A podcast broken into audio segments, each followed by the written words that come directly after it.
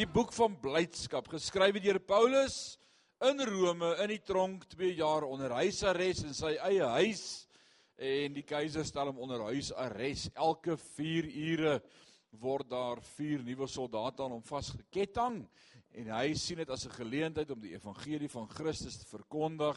Hy deel met hulle die goeie nuus en dan stuur hy daardie gevangenes gaan terug na die paleis toe en hulle vertel weer verander en so is hy besig om die paleis te infiltreer met die evangelie boodskap. Is dit nie amazing nie? Sien jou omstandighede altyd raak as 'n tool in God se hand wat hy kan gebruik. sien altyd elke omstandighede raak as 'n instrument in die hand van die Here en vra eerder, moenie vra hoekom nie. Vra Here, wat wil U hê moet ek doen? Ek is nou hier. Ek sit nou by die lisensiekantoor in die lang ry. Wat wil U hê moet ek hier doen? Jy is nou hier. Alraai, ons gaan vanaand lekker oor die lisensiekantoor praat. Dis sommer lekker om vanaand se praat. So die geheim van hierdie boek is Paulus sê blydskap lê nie in omstandighede nie. En ons het allerlei stories in ons dag van hoekom ons nie bly is nie en ons ons blydskap so maklik verloor in omstandighede en dinge wat skeefloop. Paulus sê jou blydskap is in die Here. Dis 'n besluit, dis 'n keuse. Blydskap begin ons gedagtes en ons denke hoe en wat ek kies om te voel. En daarom skryf Paulus 15 keer in hierdie vier hoofstukke oor die gedagtes van denke en gedagtes. 15 keer praat hy oor dink anders, redeneer anders, verstaan alles en 19 keer die woord blydskap. Hierdie twee hou direk verband met mekaar, denke en blydskap. Jy kan nie bly wees as jy nie dink daaroor nie. Dink word bly. En ons het vir mekaar gesê en ek moet vanaand die geleentheid gebruik om dit weer te sê. Ons het dit vanmôre vir mekaar gesê, ek kan nie my hart verander nie. Kan nie. Maar ek kan my denke verander. En as ek my denke verander, sal God my hart verander. God sal nie my hart verander as ek nie my denke verander nie. Ek kan nie sê Here, ek haat sekere volke in ons land en ek sukkel om met hulle oor die weg te kom, maar verander maar my hart as jy kan nie. Nee. Dit is nuus vir jou. Die Here gaan nie jou hart verander nie. Maar as jy sê Here, ek repent my sonde. U woord sê U het ons almal gemaak. En ek verander my denke, maar U het nodig om 'n ding in my hart te doen. Dan sê die Here, ek verander jou hart. Jy het jou denke verander. Bal is in jou hande. God werk nie met jou teen jou sin nie. Jy moet jouself oorgee en sê werk met my. So die sleutel tot blydskap is om reg te dink. En in hoofstuk 1 is die fokus dink gefokus. Dink gefokus. Paulus sê vir my is Christus die lewe en om te sterwe 'n wins. En as Christus die lewe is en om te sterwe 'n wins is, bring dit aan. Maak nie saak al sit ek in die tronk tussen gevangenes nie. Vir my bly Christus die lewe. Ouens, dis eintlik die ultimate wat Paulus met ons deel in Rome, in, in Filippense vers hoofstuk 1. Hy sê vir my is Christus die lewe. Nou, hy uit Christus in sy lewe. So al die res is bonusse. Ja, al die res is bonusse want hy het Christus. En om te sterwe 'n wins. Nou om te sterwe 'n wins met ander woorde die dood kan my nie skei van sy liefde nie. Hy skryf homself aan die gemeente in Rome in Romeine 8 as hy sê niks kan my skei van nie liefde van Christus nie. En dan noem hy 'n klomp goed op: hoogte, diepte, owerhede, bose magte, engele, hongersnood, naaktheid, gevaar, swaard. Niks kan my skei van die liefde van Christus nie. As jy dit weet, verander jou lewe. Mm. Mm, ek by die regte crowd vanaand. Right. So ek hoef nie toe te laat dat mense en omstandighede my blydskap steel nie, fokus op Christus. Dan kom ons wees eerlik, hoe maklik gee ek my blydskap prys? Wie van julle het hierdie week julle blydskap verloor? Amper, amper, amper. Dis nie iets wat jy jou hand in die lug steek en sê ja, ek het ek het nie, ek het my meer verloor. Want dalk moet ons sê repent en ons sonde bely en sê ek het te maklik my blydskap hierdie week laat gaan. Ek het my koel cool verloor. Ek het vergeet God is op die troon. Ek het ek was op daai oomblik gefokus op myself en die eie ek en ek was disappointed en ek's teleurgestel en toe kan ek my nie help nie toe raak ek negatief. Maar weet jy wat die woord leer ons? Verander jou denke, kry 'n nuwe manier van dink.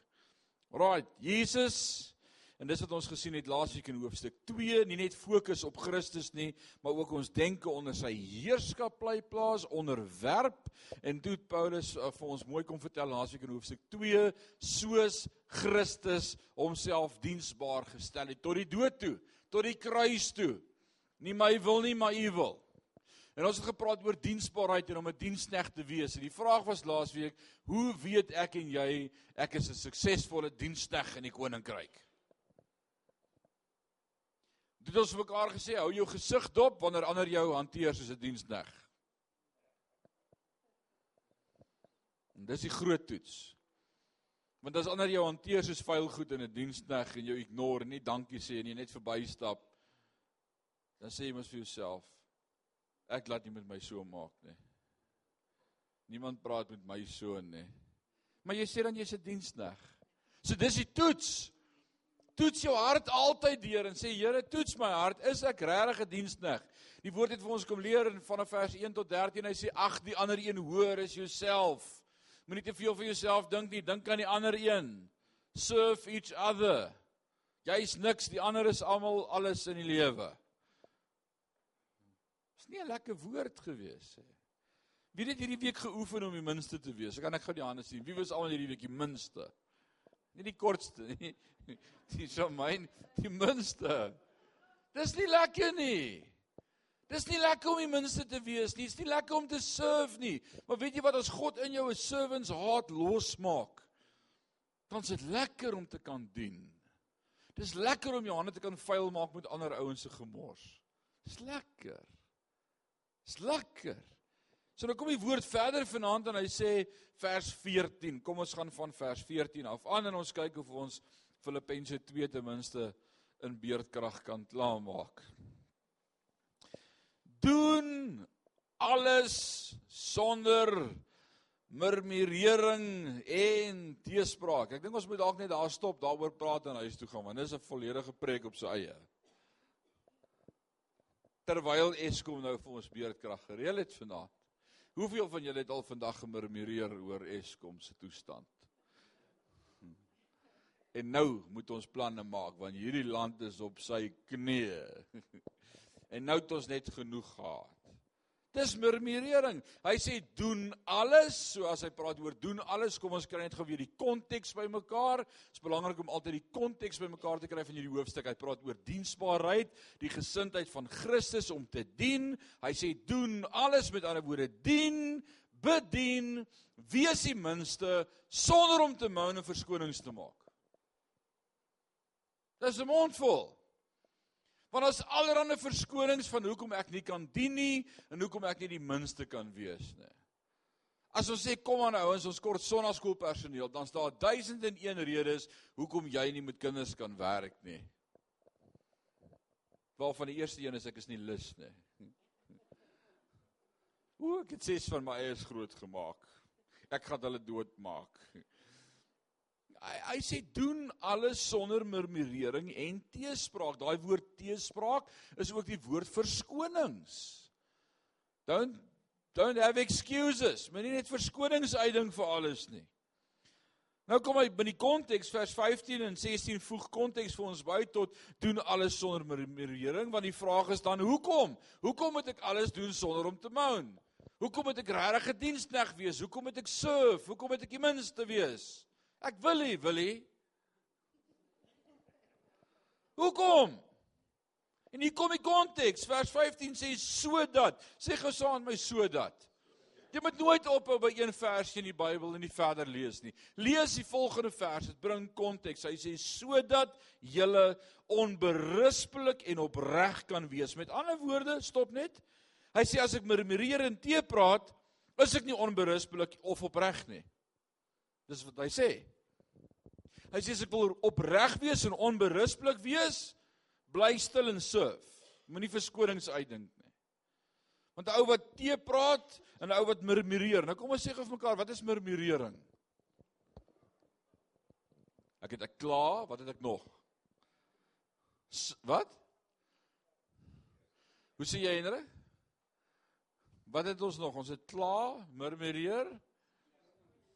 Kerm. Brom, dis 'n mooi woord, brom.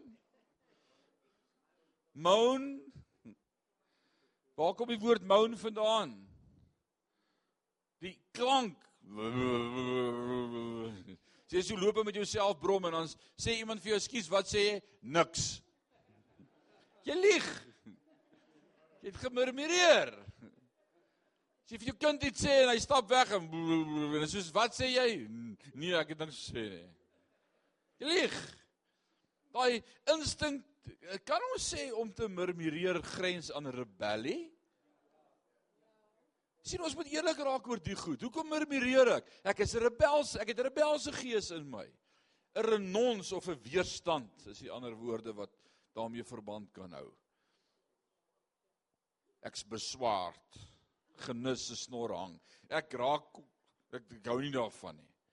Nou sê die woord as ek as dit my optrede is, murmurering en teespraat, dan is ek nie onberusblik en opreg nie. Want dan sê ek vals, dan sê ek ek wil die Here dien. Ek sê ek wil 'n dienskneg wees. Ek sê ek wil diensbaar wees. Ek sê ek wil die Here impress en ek so lief vir hom en hy's so awesome en ek sal enige iets doen behalwe om 'n dienskneg te wees. En dis al wat hy van ons vra is om te dien. Dis wat hy van ons wil hê. So toe die Here met my begin praat oor twee dienste op 'n sonoggend of dalk 3, beloof ek julle die eerste ruk het ek gemoun. Ek kry myself verskriklik jammer. Here, nou weet ek jy gaan die hele tyd preek. En dan het ek daaroor dink ek's nog die musiekdirekteur ook. Here, weet u dit daarom? Ek glo my ek het die Here dit dalk of twee gehad. Hy sê die Here, "Ekskuus, wil jy moan? Is jy regtig diensbaar?" Dan besef ek nee, my hart is vals. Here, as ons vier dienste met hou, is dit ook reg. You'll keep me upright. En dit was amazing vanmôre. Jy met jou hart terugkry, as jy jou hart terugkry, jou gedagtes verander, God sal jou hart verander. Kry jou gedagtes reg. Dink anders daaroor. So ons kan maklik rebelleer. Ek moet my eie hart gedurig toets en sê, wat gaan hier in jou hart aan? Wat is hierdie wat hier uitkruip? Hy sê sodat jy onberusblik en opreg kan wees. Kinders van God sonder gebrek te midde van 'n krom en verdraaide geslag onder wie jy skyn soos ligte in die wêreld. Nou hier's 'n mond vol, hier's 'n klomp goed wat hy kwytraak in hierdie een sin. Hier's 'n powerful statement in vers 15. Hy sê as ons moan and groan, as ons rebelleer, as ons teepraat, as ons brom, as ek as ek as ek nie lekker is oor dit nie, as ek nie wil dien nie en ek en ek wil verskonings uitdink en kla. Hy sê dan is ek nie onberusblik nie en ek is nie opreg nie, ek is vals. Hy sê sodat ons ook kan wees kinders van God sonder gebrek. Wie wil graag sonder gebrek lewe? Kom laat ek jou hande sien. Maar jy moan en groan as God jou wil gebruik. Nou hoe wil jy op die sonder gebrek punt kom in jou lewe as God jou nie mag gebruik nie? O Here, ek wil so graag oorvloed hê en ook sonder gebrek wees. O, maar ek wil net nie dit doen nie. Moet net nie vir my dit vra nie. Here, verder enige iets. Rarig. Jy skiet jouself in die voet. Jy het 'n gebrekkige verhouding. So hy sê kinders van God sonder gebrek te midde van 'n krom en verdraaide geslag. So hy sê vir ons hoe lyk die wêreld daar buite en wie kan sê amen. Dis 'n krom en 'n verdraaide geslag daar buite. Hulle dink verskonings uit vir alles. Krom en verdraaid. En dan sê hy en hier kom hy met 'n woord van hoekom? Hoekom is dit belangrik vir ons om om te let op onsself? Hy sê onder wie jy skyn soos ligte in die wêreld. Ha, ah, lees gesaam met my ons visie. Die Here maak ons soos 'n stad op 'n berg wat nie versteek kan word nie. Is dit nie wat ons sê die Here moet ons moet doen as Sion nie? Maak my 'n lig. Maak my 'n stad op 'n berg. Ouens, ek het gedink ek verstaan wat dit beteken want ek weet hoe lyk 'n stad op 'n berg. Ek het nie 'n klou gehad tot ek in Israel gekom het nie. En daai eerste aand in Tiberius in die hotel, kan ek onthou ek staan so buite op die stoep van Tiberius en en ek kyk so uit oor die see van Galilea en hier teen die see van Galilea se kant is hier 'n hoë berg, so berg wat so om die see loop. Die see sit so in 'n dal. En en op hierdie berg is daar 'n stad wat brand, helder ligte. Kan julle onthou, Dalena? Helder ligte wat daar brand. En dit is beautiful, maar dit dit doen niks vir my nie. Ek neem net kennis daarvan. I'm observing. Die volgende oggend ry ons met die bus af tot teen die see van Galilea en ons ry tot teen die voet van daai berg hier onder en ons stap so in daai tuine op en toe ons so gaan sit, toe vertel Rykie vir ons hier was waar die bergpredikasie plaasgevind het Matteus 5 6 en 7. En ek ken Matteus 5 6 en 7. Ek het al 'n paar reekse daaroor gepreek vir 'n paar weke. En dadelik van die Here na Matteus 5 toe waar die Here sê: "Julle is die lig van die wêreld." 'n Lig wat nie onder maat emmer weggesteek moet word nie, maar soos 'n stad op 'n berg dat almal dit kan sien. En toe ek daar staan waar Jesus hierdie woorde gesê het, en ek onthou maar daai stad lê net hier bo op die berg en ek het hom gisterand gesien. Toe verstaan ek wat beteken 'n stad op 'n berg. Jy kan hom nie wegsteek nie. Eskom kry hom nie weggesteek nie. Nie in Israel nie. Alraight. En dis wat ek en jy moet wees vir hierdie wêreld. 'n Geslag onder wie jy skyn soos ligte in die wêreld deurdat jy die woord van die lewe vashou. Met ander woorde, as ek die woord van die lewe vashou, skyn ek soos 'n lig, is my gesindheid reg, word ek gebles uit my skoene uit, praat ek nie teen nie en is ek gewillig om diensbaar te wees. Kom ons reverse die hele vers en ons werk van onder af terug met hom. As ek aan die woord vashou van die lewe. Wie van julle hou vas aan die woord van die lewe? Dis wat ons hier doen vanaand. Ons hou vas aan die woord van die lewe. As ons vashou aan die woord van die lewe, sal ons skyn soos ligte in 'n wêreld in 'n krom en verdraaide geslag. Sal ons onberusblik en opreg wees en sal ons nie murmureer en teepraat nie. Partykeer moet ons net lees wat daar staan. Dis wat die woord sê. Wie het al die Bybel so gelees? Partykeer net so bietjie omgedraai en van agter af terug. Dit verander die hele betekenis. Dit bring konteks. So wie van julle gaan hierdie week moan and groan? Want ek gaan die hande sien. Jy moet nou mooi dink jy's besig om nou toets te skryf. Jy gaan net die uitstap dan gaan die begeerte terugkom om te moan en te groan. As jy by die huis kom en Eskom is nog nie aan nie, gaan die begeerte daar wees om te moan en te groan. Nou wil ek jou gou iets vra. Wat help dit jou jy moan oor Eskom wat af is? Nou my liewe genade, moet ek verder praat? Wat help dit jou? Wat help dit jou om te moan? Wat help dit jou om te kla oor die potholes in die strate? Jy versondig jou eie siel. Dit help nie. Dit voeg nie waarde by nie. Dit gee jou nie getuienis in 'n krom en verdraaide geslag nie. Jy wys nie jy's lig van Christus vir 'n wêreld nie. Jy hou nie vas aan die woord van God wat sê hierdie is nie ons aarde is nie ons wêreld nie, maar ons is op pad huis toe. Ons is net bywoners op hierdie aarde, maar ons het 'n ewige bestemming. Jy vergeet dit. Hoekom wil ons dit so lekker hier hê hierdie kant van die graf? Ons wil dit so lekker en gemaklik hê. Paulus sê vir my is die lewe Christus. En om te sterwe bring jy dan 'n wins. Ons ons konteks is verdraaid. Rarig. Mense om ons kla almal, almal, almal. Gaan staan in die lisensiekantoor in die ry. En dan s' hulle van lyn af dan hoor jy boere wat Afrikaans praat. Afrikaans. Soos wat hulle nog in 1950 in die parlement ook sou praat. Afrikaans. En dan dink ek, wat help dit jou my oom?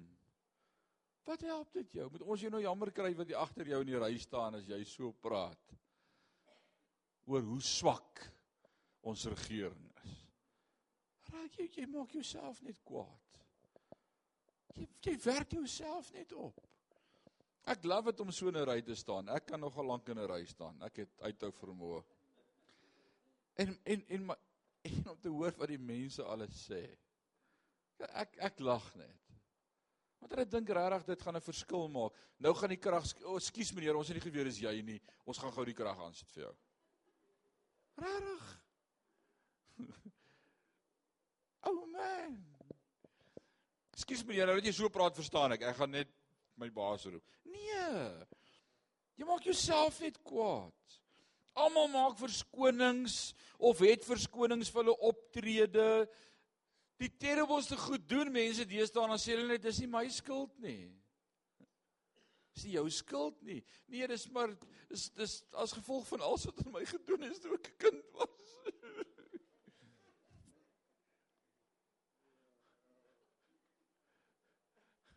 Ek- is jammer ouens, maar ons moet oor hier goed praat. Want dis deel van wat Paulus hier aanspreek. Hy sê doen alles sonder murmurering en sonder verskonings. Jy's 'n kind van God. God leef in jou lewe. Jy het die lig van die wêreld in jou hart. Wees lig vir die wêreld. But we have excuses. Oh please excuse me. Verskoon my asseblief.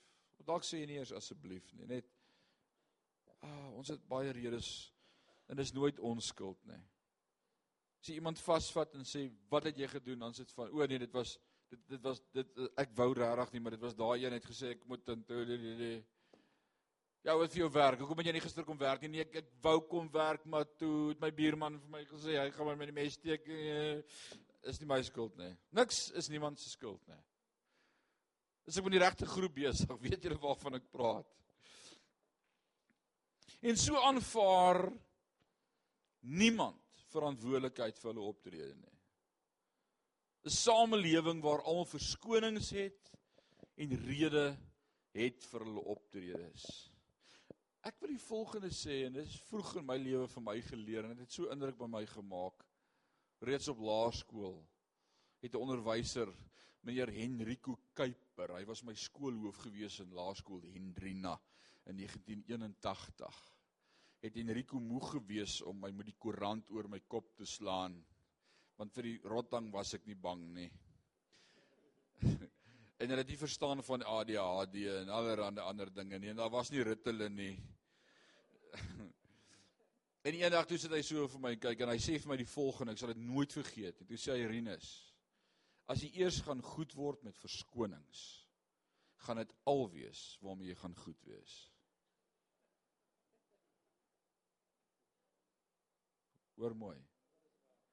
As jy eers gaan goed word met verskonings, gaan dit alwees waarmee jy gaan goed wees. En kom ons sê vir mekaar vanaand, ons het mense wat spesialiseer in verskonings. En ons het hulle geword. Ons het 'n verskoning vir alles. Kom as jy nou weer so beneek vandag. O, nee, dit was nie dit en nie dit. Wat's fout met jou? Hoekom is jou lip so lank? Nee, ek het niks mekeer nie, maar toe begin jy aan my karring. Dis almal se skuld behalwe myne. Ek was fyn, maar nie so aanhou nie. Dis jou skuld. Nee, nee, daar's iets in jou hart. Dit my dink aan God se volk in Israel. God is besig met sy volk. Israel is sy volk. Vir 400 jaar sit hulle in slawerny in die woestyn. God het 'n plan daarmee in Egipte, want in daai 400 jaar sorg Potifar vir hulle. Vir 400 jaar groei hulle 'n generasie van 'n paar duisend na 'n paar miljoen op die onkoste van die staat. It's amazing. God sorg vir hulle. Almal kry sassa elke maand. Hulle koop hulle goed, hulle groei, hulle kry kinders en op 'n stadium toe sê Potifar nou of Farao, wat soek Potifar in Farao se storie? Toe sê Farao Nou het ek genoeg gehad. Dankie Dion. Daarom een ou wat wakker is. Ek kyk net of jy slaap. A lack of oxygen. sien, verskoning dadelik. Farao sê ons moet al die seentjies doodmaak. Al die seentjies moet doodgemaak word. Maar Moses se ma gaan in sy berg om in die bissie mandjie want sy hoor God se stem. En so kom Potifar, ag Farao se vrou. En en hy sien hierdie seentjie en sy sê, "Ag, oh, wie sal hierdie kind vir my grootmaak?" En toevallig is sy sussie daar wat sê, "Ek ken dit dan nie, sy bly net hier om die hoek. Sy sal hom grootmaak." En so maak Moses sy eie naam groot, maar die volk murmureer. Hulle moan met die steengroewe. Hulle werk hard. Waar's God? Het hy ons verlaat? Maar God is die hele tyd besig met sy plan. En so bring God hulle deur die Rooi See in die woestyn en hy sê ek sal vir julle voorsien. Ek gee 'n vuurkolom, ek gee 'n wolkkolom, ek gee manna, ek gee kwartels elke dag voorsien ek vir julle. Julle ek hoop jy die vywer klere aangetrek want jou klere gaan vir 40 jaar nie sluit nie. Ek hoop vir die girls hulle het hulle vywer rokke aangegaan. En nie dalk die een waarvan jy die minste hou nie, want dis al wat jy het vir 40 jaar, né? Dis terrible. In die regte skoene gegryp. Imagine jy het hoek skoene gegryp plaas van plat skoene in die woestyn vir 40 jaar en daai skoene wil net nie breek nie. En God voorsien elke dag, maar wat doen sy volk? Hulle murmureer. Hulle murmureer. Waaroor murmureer? Eers sê hulle het nie water nie. Moses sê, "Goed, God, waar gaan ons water kry?" En die Here sê, "Slaan die rots." En hy slaan die rots en daar's vars water en die Here gee vir hulle water. And it's amazing. Dan sê hulle, "Oké, okay, maar net ons water, waaroor kan ons nou kla?" Uh Ons verlang terug na Egipte.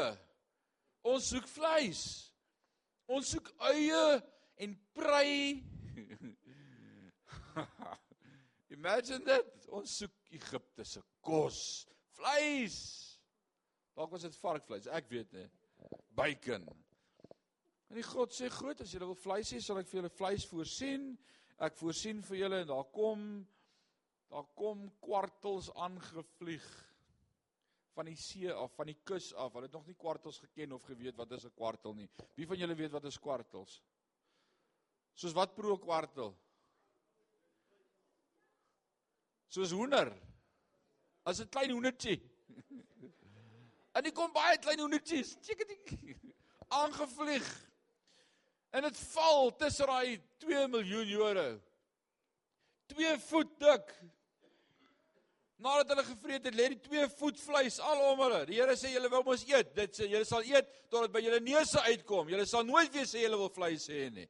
Hulle sê ekskuus ons wil nie weer vleis hê nie. Maar nou moet ons iets anders kry om oor te moun. Kom ons mou nou oor uh dis nou ons het dit raak nou lank.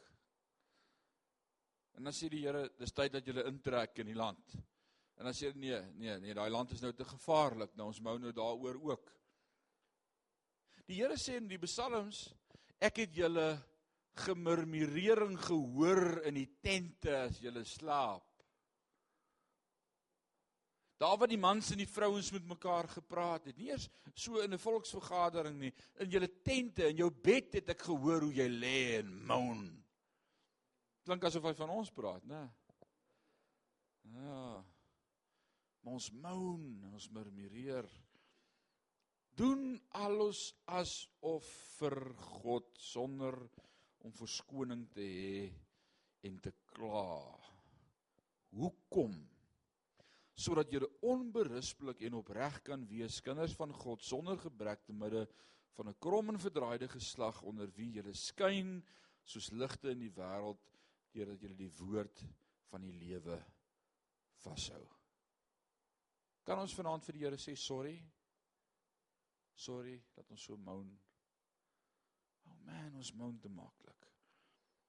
Ons moan te maklik. Ons moan heeltemal te maklik. Terwyl jy daar in daai ry staan waar almal so moan. Ek deur jou, doen bietjie iets onvoorspelbaar. Uit die norm en watch die reaksie van die ry. As ek in 'n rang ry staan daar by die lisensiekantoor en almal kla so en dit raak so doodstil en ek sal sê Ah, loof die Here.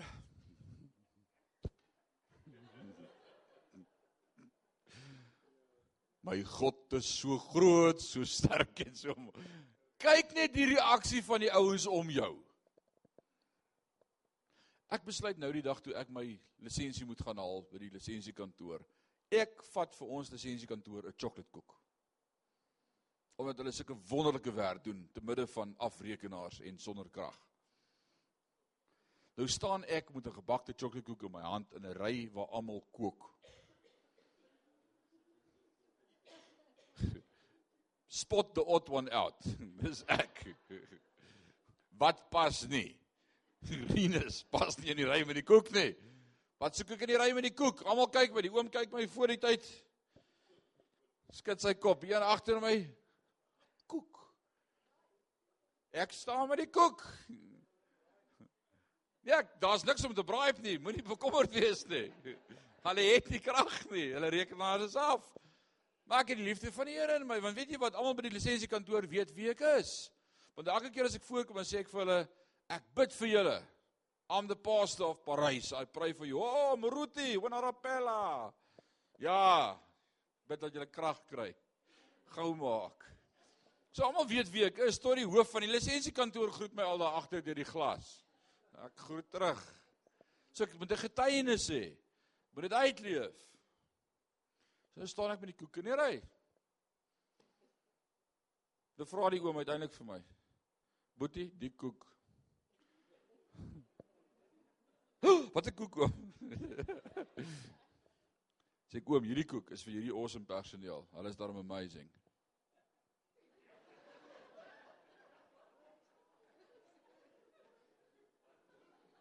Hy kyk vir sy vrou. Nou, ek dis nou ek nou daar's ek op 'n oomblik hang him out to dry.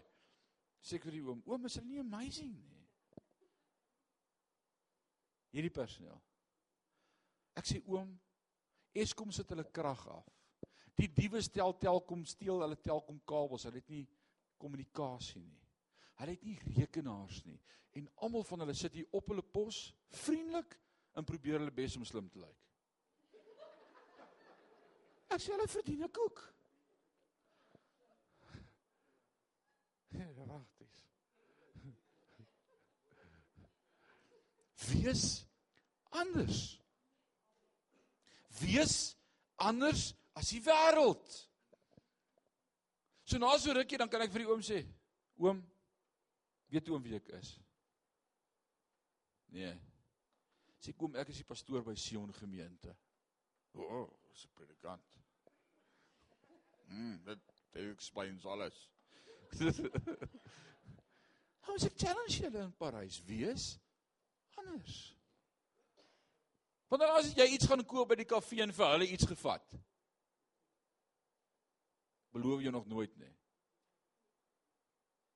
Want dan as jy iewers heen gegaan waar hulle jou bedien en jy sê nee vandag is ek hier om iets ek wil vandag net sommer vir julle iets gee want julle gee altyd sulke awesome diens vir my. Ek wil niks hê vandag nie. Ek wil vir julle net iets bring. Is nie is dit nie ons moet wees nie. Ons moet die wêreld iets gee om oor te praat. Hulle moet praat oor jy is lig in 'n duister wêreld. Hoe sal die wêreld weet ons is lig as ons nie lig uitstraal nie, ouens? As ek saam kla oor die swak diens en ek toi toi saam en ek praat saam met hulle in tale, hoe sal hulle weet ek is 'n kind van die Here? Ek gaan nie getuienis sê nie. Ek gaan nie getuienis sê nie, maar ek is anders, want groter is hy wat in my is as hy wat in die wêreld is. Want hierdie wêreld is nie my huis nie. Ek soop pad hemel toe. Ek worry nie of Telkom vandag af is nie. Ek kan môre weer gaan. Ek het niks om te doen nie.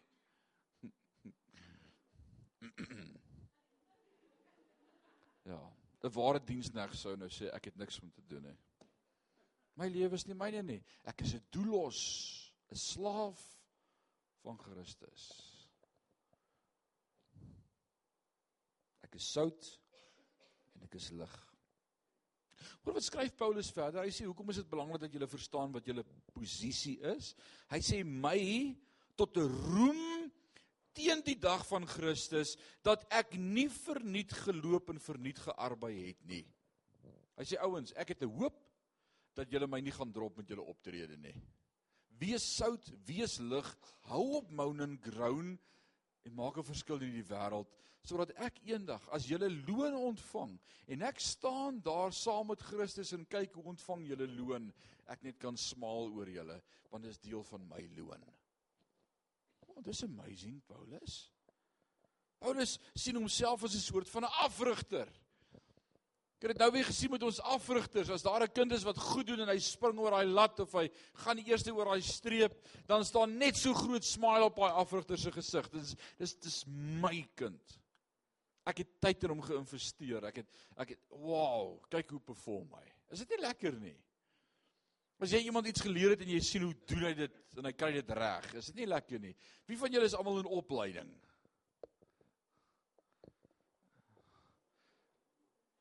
Dit was 'n trick question ouens. Julle is almal in opleiding.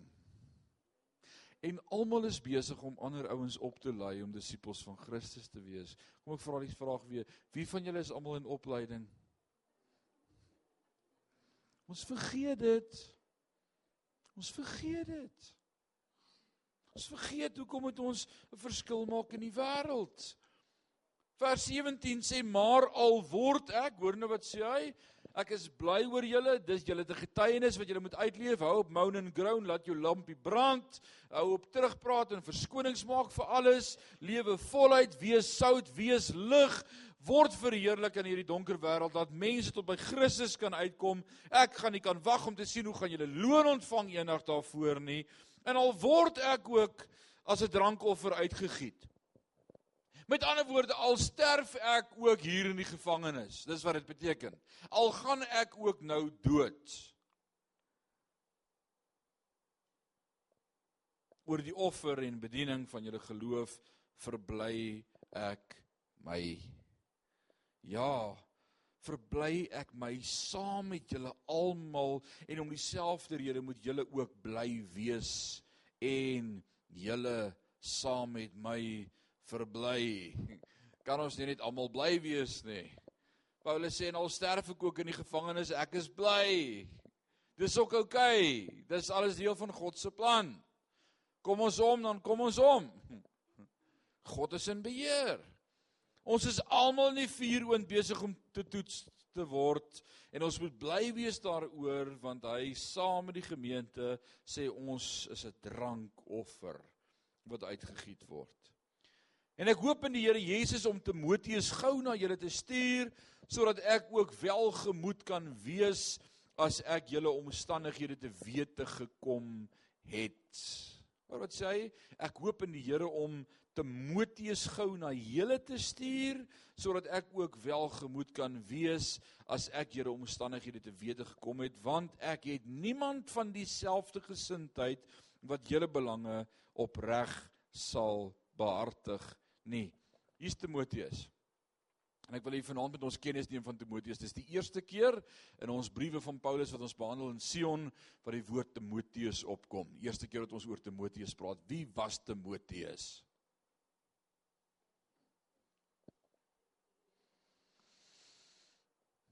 Hierdie is 'n R50 vraag. ons kyk of daar nou deelname is. Wie wie is Timoteus gewees? Hy was soos sy eie seun, hy was 'n jong man, 'n volgeling van Christus, 'n disipel, en iemand in wie Paulus potensiaal gesien het om in hom te belê, uit in sy lewe gedeponeer. Hy het vir hom lief geraak, hy het hierdie hierdie hierdie jong man het hy innig lief gehad want hierdie ou was uitverkoop aan die Here en hy sê daar's 'n ander gees in Timoteus as in die res van die disippels. Timoteus verstaan koninkryk. Is dit nie amazing nie? Hy verstaan koninkryk en dan sê hy want ek het niemand van dieselfde gesindheid wat julle belange opreg sal behartig nie. Wat was die ander gees wat in Timoteus was? Sy gesindheid. En hy sê ek vertrou dat God vir Timoteus na my sal stuur. Ek gaan hom na julle stuur, stuur hom terug om my te vertel hoe dit met julle gaan. Ander doen dit uit plig, ander doen dit vir vergoeding, maar Timoteus gee regtig vir julle om. Ouens, hoeveel mense in ons dag kry ons wat regtig opreg is in sy bedoelings en intensies van hoekom ons doen dit dinge doen. Of as 'n ou vir jou iets wil doen, moet jy wonder wat wil hy hê? Is sy intensies en bedoelings opreg? Wat wil hy daaruit vir homself gain, nê, vir sy eie sak? Timoteus, Paulus getuig van hom en hy sê hy gee regtig om. Want vers 21, hulle soek almal hulle eie belange. Nie die van Christus Jesus nie, maar julle ken sy beproefdheid dat hy soos 'n kind teenoor sy Vader saam met my in die evangelie gedien het. ek hoop dan om hom dadelik te stuur so gou as ek sien hoe dit met my sal gaan. Hy sê ek gaan net kyk wat gebeur. Hoopelik kom die goewerneur nou een van die dae tot 'n besluit oor my, maar ek gaan vir Timoteus na julle toe stuur. Ek wil hê hy moet kom kyk hoe dit met julle gaan. Right, vers 24. En ek vertrou in die Here dat ek self ook spoedig sal kom. Nou hier is nou 'n begeerte wat hy uitspreek. Hy sê ek hoop dat ek ook self julle weer kan besoek. Nou help gou vir my. Kon hy uit die gevangenis kom en het hy weer die geleentheid gehad om ander gemeentes te besoek? Nee. Wat was sy einde gewees in die gevangenis? Hy is onthoof. Alraai. Paulus is doodgemaak in die tronk. So hy sê ek wens dat ek weer na julle toe sou kan kom, maar ek het dit noodsaaklik geag om Epafroditus, my broeder en medewerker en medestryder, julle afgevaardigde en bedienaar van my behoefte terug te stuur na julle toe. Want hy het na julle almal verlang en was besorg omdat julle gehoor het dat hy siek was, want hy was ook siek tot die dood. Maar God was hom barmhartig en nie hom alleen nie, maar ook my dat ek nie droefheid op droefheid sou hê nie. Nou getuig hy van 'n disipel wat hulle na Paulus gestuur het. En waar lees ons van hierdie Epafroditus? Ons lees van hom, hy's na Paulus gestuur met die offerande van die Filippense Filippi wat hulle bymekaar gemaak het. Geld vir hom bymekaar gemaak vir sy bediening en hy het dit na Paulus gebring. En nou sê Paulus, ek stuur hom terug na julle toe. Maar hy was baie siek geweest. Hy was amper tot die dood toe siek. Hy het amper dood gegaan hier by my. Maar die Here het hom gespaar want hoe terrible sou dit wees as hy by my doodgaan en ek ook nog doodgaan. Dit sou net nog meer hartseer op my hartseer geplaas het. Maar die Here het hom gesond gemaak en teruggestuur. En hy verlang om terug te kom want hy's bang julle is bang oor hoe hy siek was, so hy wil terugkom na julle toe. So, hy stuur hom terug. Nou net iets interessants wat ek sommer hier wil sê vanaand. Alraight. Hierdie jong man, Epafroditus, was siek tot die dood toe. Maar die Here was hom genadig en hy het hom aangeraak. Paulus was siek. Paulus het die Here 3 maal gebid vir die doring in die vlees. En wat het die Here vir hom gesê? My genade vir jou is genoeg. Hou op, man. Alraai. Timoteus was siek. Wat het Timoteus mekeer? Vir wie is dit nie? Dis nou vir jou nuus ook. Nie of hy was siek nie. Timoteus was siek. Wat het hom mekeer? Hy was ongesteld aan sy maag. Want Paulus gee hom advies en hy sê moenie meer water alleen drink nie, drink 'n bietjie wyn vir jou ongesteldheid van jou maag. Kyk as hy nou wil moeilikheid maak in hierdie apostoliese kerk, mos 'n pastoor dit nou van hier kansel af sê, drink nou 'n bietjie wyn so af en toe. Dan gaan jy nou hoor, dis 'n lekker kerk. Maar Paulus sê vir Timoteus, moenie net water drink die hele tyd nie. Drink 'n bietjie wyn vir jou maag. So Timoteus was sieklik gewees bietjie. Nou wonder ek hierdie wonderlike man van God wat hierdie bediening gehad het in die boek Handelinge waar hulle die sweetband van Paulus gevat het en op siekes gaan lê het in sakdoeke en die dooies opgestaan het en siekes gesond geword het. Hoe kan hy nie vir Timoteus gesond bid nie? En hoe kan hy nie eers oor sy eie siekte woord spreek van lewe en gesond word nie? Hoe werk dit? Moet ek dan nie net reg praat en lewe spreek en dan gebeur alles, nê? Nou raak dit teologies ingewikkeld vanaand. Want baie van ons word geleer en leer praat net reg. Sê net jy's gesond. Al voel jy jy gaan dood, sê net jy's gesond. En glo dit. Ek wil vir jou sê, jy is nie God van jou lewe nie. Maar God is God van jou lewe. En soms maak God gesond. En soms sê God my genade vir jou is genoeg. Soms word mense dadelik gesond. Soms vat dit 'n rukkie voor hulle gesond word. En soms word hulle eers gesond as hulle by God kom. Ons verstaan dit nie. Maar ons weet een ding.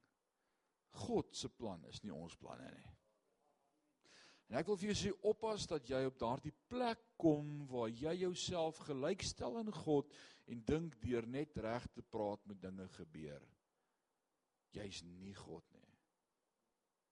Dis 'n vals lering ouens. Hoor mooi wat ek vir julle sê. En ek sê dit want ek het julle lief.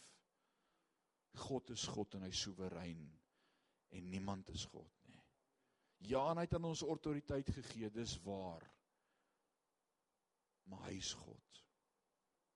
Ek is nie God nie en ek is nie aan hom gelyk nie. Kom ons maak klaar met hierdie hoofstuk. Laaste 3 verse.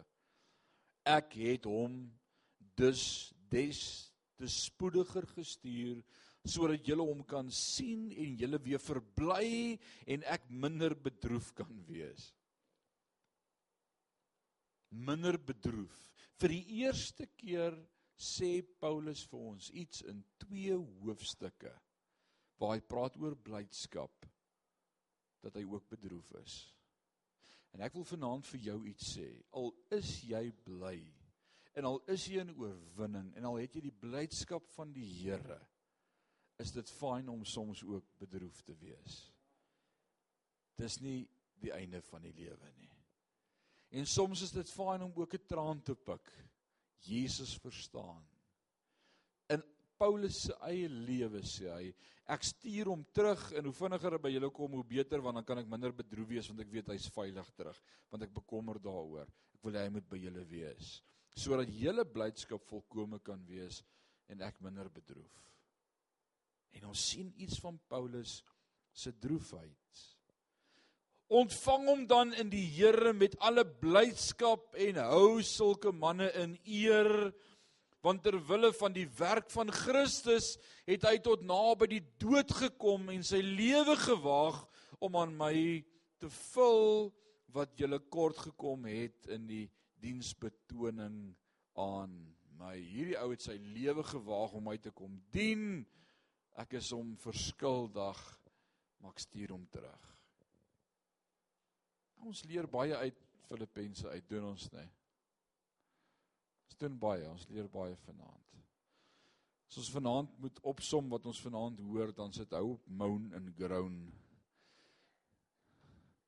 Hou op murmureer, hou verskonings uitdink, wees 'n diensneg. Maar die groter prentjie wees lig sodat die wêreld Christus kan sien.